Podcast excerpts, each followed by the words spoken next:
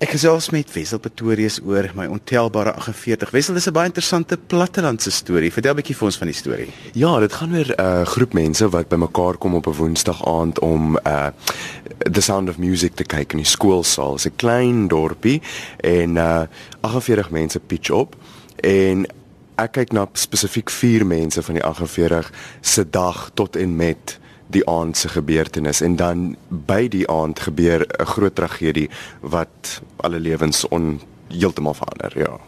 Waar kom die idee vir die storie vandaan wat jy dit self geskryf?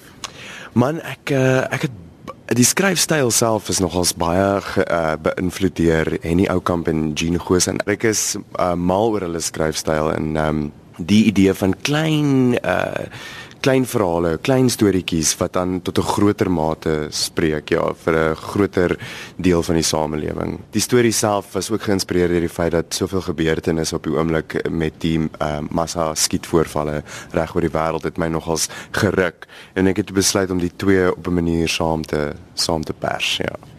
Jy's een van die akteurs wat ook baie keer jou eie stukke skryf, maar ook die regie doen. Wat is die uitdaging as 'n mens dit alles self doen vir jou as akteur wat ook in die stuk optree? Ehm um, ja, die uitdagings is uh uh vroeg dood. Ehm um, maar dit help my verskriklik baie want ek ek kan omdat ek op my eie is, kan ek soveel tyd vat as wat ek wil. Ek kan soveel kansse waag as wat ek wil. Ek kan soveel foute maak as wat ek wil en uh, ek het net myself om te blameer. Maar die ek dink die groot uitdaging is maar net om kop te hou en om nie moed te verloor nie want dit is so maklik om moed te verloor, ja. Wanneer mense 'n stuk doen met 'n regisseur, dan is die regisseur die voice of reason hmm. tussen dit alles deur.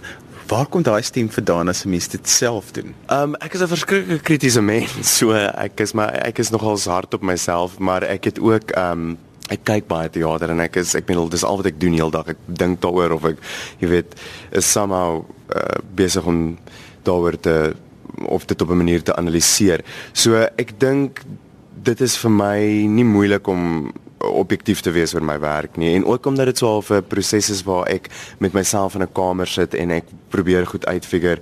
Um mes mes leer jouself ook hoe om om krities te wees en hoe om uh ja, hoe om kop te hou sodat jy jouself nie uh om die bos lê nie. Ja. Jy's baie lief vir die een persoon stukke alhoewel jy die laaste ruk ook redelik ander stukke gedoen het. Is daar 'n patroon wat jy volg of is dit 'n is daar 'n strategie rondom hierdie een persoon stukke? Nee, weet jy, dit is net vir my ek ek skryf omdat eh, in albei gevalle ont en hierdie wat ek self geskryf het was dit ek wil vir myself 'n rol skryf wat ehm um, ek weet ek nie sommer dalk gaan kry van buite af nie. So dan skryf ek vir myself vir die rolle wat ek voel ek wil vreeslik graag speel. Met die ontelbare 48 ek wou vreeslik verskriklik verskillende karakters speel en ek wou 'n komedie doen. En dit was my groot rede agter dit gewees. Ja, maar daar is nie regtig 'n patroon nie. Ek hou van storie vertel en ek is mal daarvoor om te speel. So dit is my twee groot motiv motiverings, ja. Die ontelbare 48 is baie goed ontvang deur resensente, deur gehore en ook deur eh, panele. Vertel bietjie vir ons van dit. Man, dit is 'n groot verrassing geweest want jy weet nooit dit is splinternuwe materiaal geweest en ek het gewoonlik open ek en eksperimenteer ek goed by klein teatertjies, maar hierdie was so al vir eerste keer groot by 'n fees maar ek geniet dit so om die show te doen dat ek so half nie regtig so seer omgegee het of ander mense dink dit is briljant of nie. Maar ek dink die die ontvangs was so lieflik geweest omdat ek dink mense vind aanklank by die by die karakters en by die ek dink die menslikheid van die karakters. Maar ja dit was lekker geweest en uh, dis altyd wonderlik as mense na die tyd na jou toe kom en sê dit was vir hulle net so 'n vreugde en hulle het op so 'n uh, 'n journey gegaan saam met jou. Ja Nou die ontelbare 48 is op 'n paar plekke nou te sien in die volgende maand. Hmm. Wat vertel bietjie vir ons? Wel, dit is nou by die Baxter vir 'n week van die 24ste tot die 29ste Oktober. Ehm um, en dan gaan ek na die Drostheid Theater toe. Uh van die 10de tot die 12de November en dan is ek weer daar van die 17de tot die 19de November, so oor twee naweke.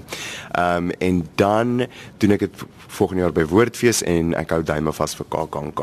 Ja. Jy het ook jou hand gewaag aan 'n Engelse stuk, 'n nuwe stuk by die Alexander Upstairs hier so in die Kaap. Vertel 'n bietjie vir ons van die stuk. Dis nog hulle waaghalsighede.